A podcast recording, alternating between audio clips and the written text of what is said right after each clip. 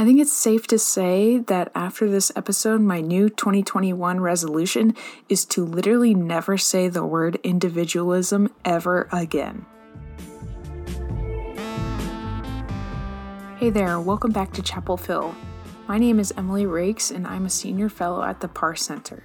Today, we'll be talking about American individualism and the role that individualism has in public health measures such as mask wearing, social distancing, and whether or not you get the vaccine in order to fight the COVID 19 pandemic.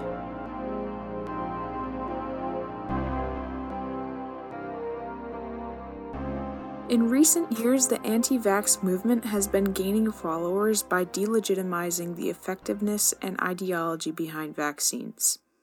Most recently, the COVID 19 vaccines have become the target of efforts by far right wing conspiracies and politicians to present the topic of vaccination as a threat to maintaining individuality as an American and a fight to preserve the rights to personal freedoms. Can you get the COVID 19 vaccine and still be considered an individualist? The short answer is yes. But the larger point of this question is to identify that actually the most individualistic thing that you can do, according to individualist philosophy, is to get the vaccine and participate in other public health measures, such as wearing a mask or social distancing. So, what is individualism? Individualism is a theory favoring freedom of action for individuals over collective or state control. So, this theory really places most of the value, whether that be morally, socially, economically, on the rights of the individuals.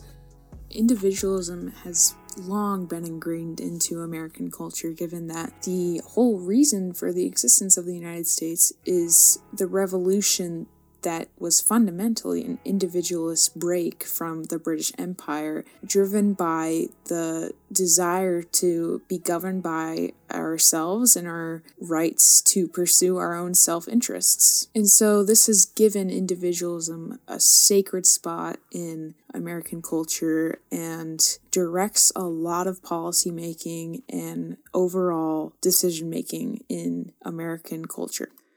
So at this point, everything we've heard about American individualism seems all good and fine. I mean, it caused the formation of our country. How could this largely social and political economic theory or philosophy be tied to something that's largely scientific, like a vaccine? Why am I asking if you can be an individualist and still get the vaccine? Well, as I alluded to earlier with the example of far right wing conspiracies, the vaccine has been politicized and mischaracterized as choosing individual freedom on principle or vaccination. This quote unquote choice stems from large federal government taking charge of the COVID response. Because of a larger government role, in order to gain political power, groups can misconstrue the vaccine as inherently dangerous or flawed and a threat to personal freedoms solely based on the involvement of large federal government. In the consistently most individualist country, that source will be linked in the description, this proposed threat to personal freedoms through the government direction can elicit a powerful response such as a refusal to vaccinate by mischaracterizing vaccination as giving up your personal freedoms, deep rooted American individualism acts as a political weapon in dangerous situations such as COVID. And while this refusal to vaccinate often stems from individualism, it's also relevant to notice the increasing anti vax rates with wealthier demographics, regardless of their political affiliation.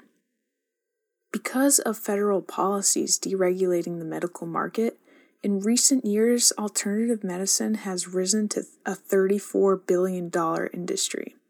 This industry plays on the desires of wealthier people to not be commonplace sheep and take the vaccine filled with government oversight, but instead be an individual pioneer and consume oils, supplements, and other alternatives in order to maintain their status as a distinguished individual rather than resort to taking the commonplace establishment provided vaccine.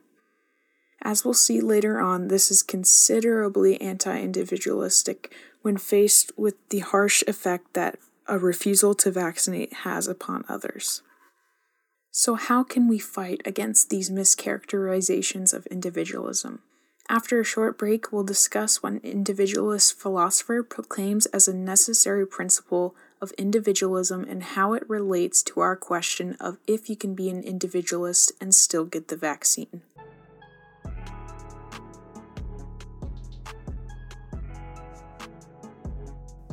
So now that we know what individualism is and the intense individualism felt in American culture, we can discuss a relevant principle known as Mill's harm principle. This principle was first proposed by the philosopher John Stuart Mill, a known individualist, which is seen as opposition to particularly paternal governments, simply meaning that they are more involved in the personal lives and decision making of its citizens. So, Mill says the only purpose for which power can be rightfully exercised over any member of a civilized community is to prevent harm to others.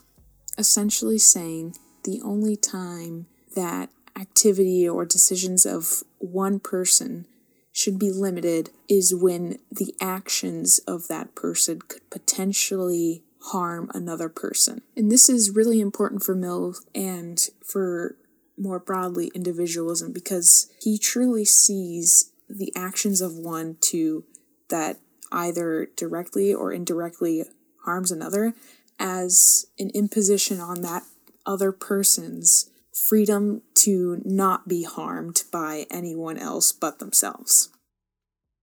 And that makes sense, right? Like, I should not have to worry if I'm just walking about in a park doing nothing, not causing any harm to anyone. I shouldn't have to worry that if I'm existing in my own right, that I could be punched just for no reason. And it should be expected that it's my right to not be harmed if I'm literally not doing anything. So, within the context of the pandemic, Mill would probably contend that you should wear your mask, you should socially distance, and you should get the vaccine that's approved from scientists and the FDA.